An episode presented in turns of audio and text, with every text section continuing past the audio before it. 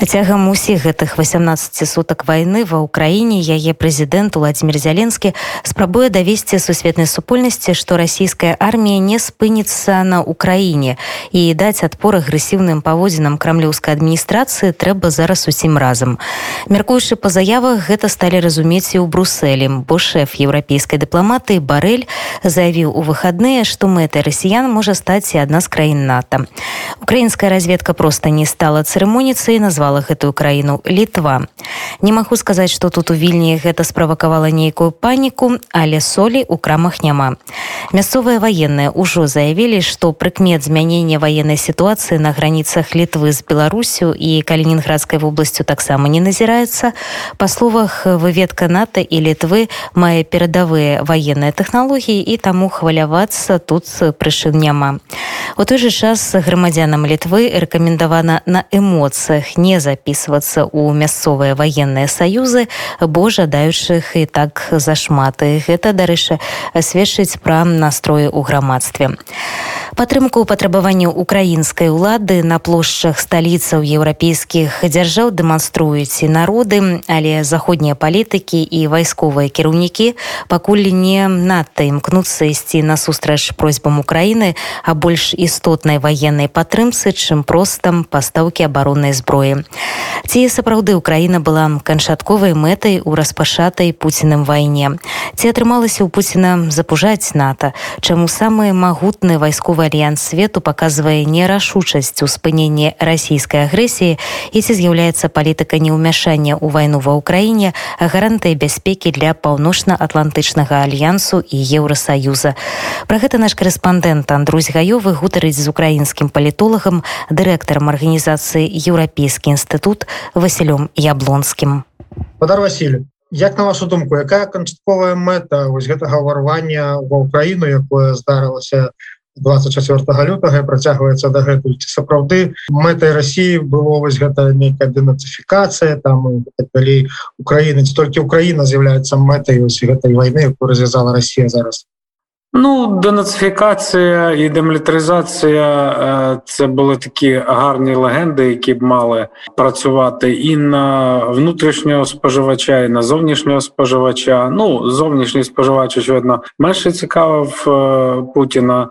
Просто проблема якби полягає в тому, що була неправильно дана оцінка, скажімо, стану українського суспільства і української армії, і реально йшлося про кілька днів в ході яких мала бути захоплена більша частина України насамперед столиця, основні міста, мільйонники, і таким чином, скажімо, можна було говорити або про подальше захоплення України, або ну скажімо, таку капітуляцію, яка передбачала федералізацію України, узаконення анексії окупації Криму, узаконення так званих ЛНР е, ДНР. Ну це в кращому разі. В гіршому разі, як воно пішло, так як от Путіна з Кримом е, не виключено, що ці всі е, плани стосовно концентраційних таборів і переслідувань людей в Україні, яких там в хворобливому запаленому мозку Путіна вважаються там бандерівцями чи націоналістами. Очевидно, це це цілком може бути реалістичний сценарій. Звичайно, ем, Путін з самого початку він протистоїть не Україні. Для нього це занадто е, така дрібна мета. Він протистоїть е, Сполученим Штатам, і е, він тішився із цих зустрічей, які були минулого року з Байденом, і особисті зустрічі, і, скажімо, зустрічі онлайн. Йому треба, е, ну скажімо так, правильного ворога, важливого ворога, і цим ворогом він для себе себе визначив е, Сполучені Штати, тому він якби е, до сих пір ще йде за цією інерцією, і він хоче взяти, ну скажімо так, на переляк е, саме НАТО, лякаючи певними е, катастрофами ядерними і захоплюючи станції, в тому числі в Україні він говорить вустами там своїх посіпак про те, що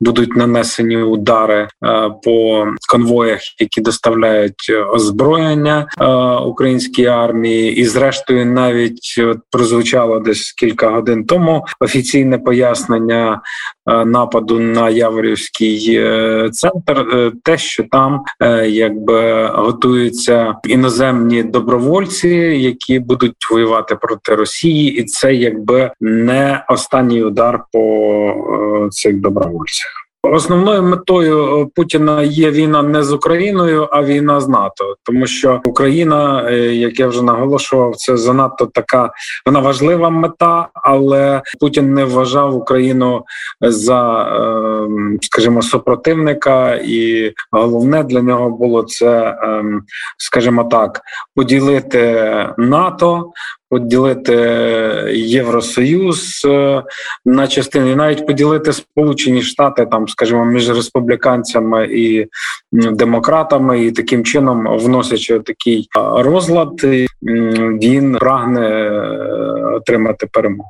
Ну і глядзіце і зараз абмяркуючы па паводзінах НАТО таго ж і нават і Евросоюза апошнія дні у Пуціна не кепска атрымліваецца яго запужваць яны реально Ну, бояться что калі яны неяк будуць спрыяць Украіне нават ужо что тычыцца не толькі закрыцця неба збіцця розных лятальных апаратаў над Украінай але нават просто перадача Украіны каб яна сама гэта рабіла ну, тэхнікі самалётаў. Яны вельмі асцярожнічаюць і баяцца что гэта справакуе агрэсію іхні бок.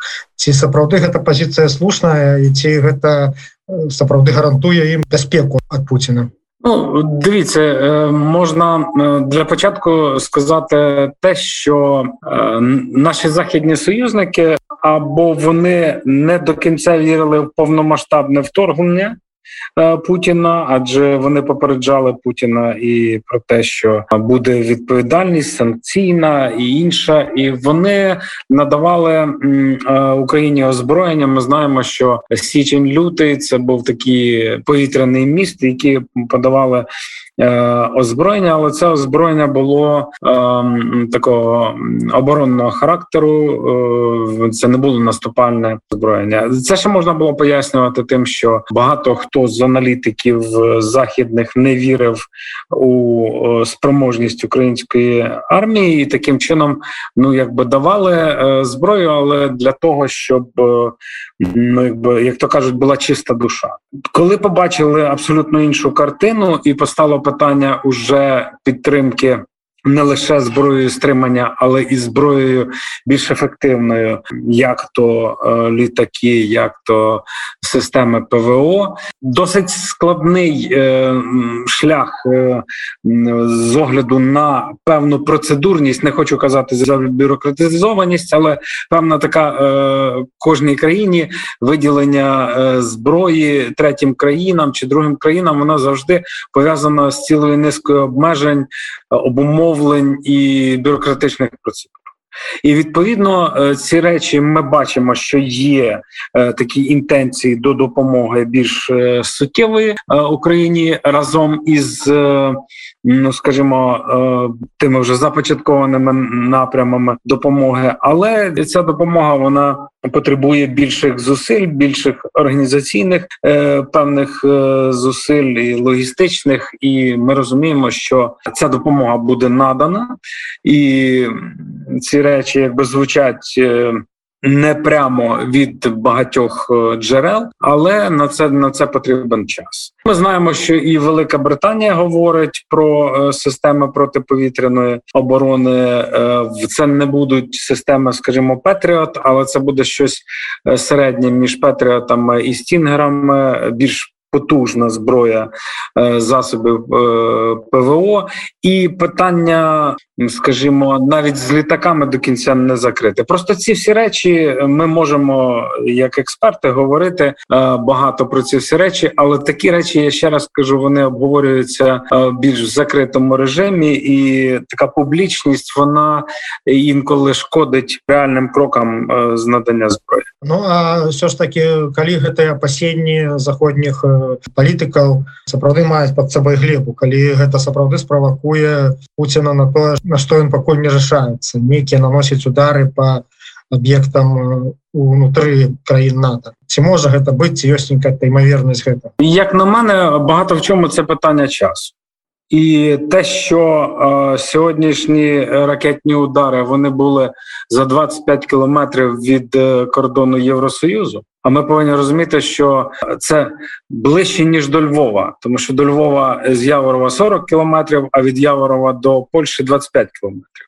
Це реальна загроза, і це реальна загроза для поляків, для європейського союзу. І я думаю, що після цього можуть бути більш рішучі заходи з боку з боку НАТО, тому що якщо ми говоримо там про атаку міста в Хорватії, то ну скажімо, НАТО не зробили якихось е, рухів, списали на непорозуміння. Е, ну я не виключаю, що це було непорозуміння, адже ми знаємо, що населений пункт е, в Хорватії і населений пункт на Волині вони дуже схожі в латинському написанні. Цілком можливо, що росіяни просто в силу своєї тупості відправили безпілотник не туди. Була дивна ракета випущена із Індії по Пакистану теж якби не не зрозумілі е, до кінця речі. Очевидно, тут якби включаються моменти енергетичні,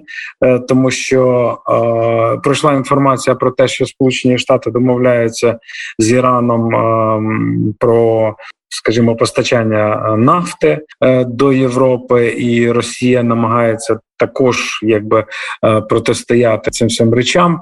І ми знаємо, що з іншого боку, якби і Ізраїль не дуже зацікавлений в тому, щоб знімали обмеження із із Ірану. Це досить складний клубок такий е, міжнародних е, інтересів і протиріч. І очевидно, Росія тут провокує. От пам'ятаєте, як із збиттям е, українського літака кілька років тому там також до кінця не зрозуміло, хто керував цією ракетою, хто хто здійснював цей пуск ракетний. Цілком можливо, що за цим цим е, стоять і російські інструктори. Тому питання е, неоднозначне і, е, скажімо, те, що Сполучені Штати не вдалися і тут до жорсткої відповіді.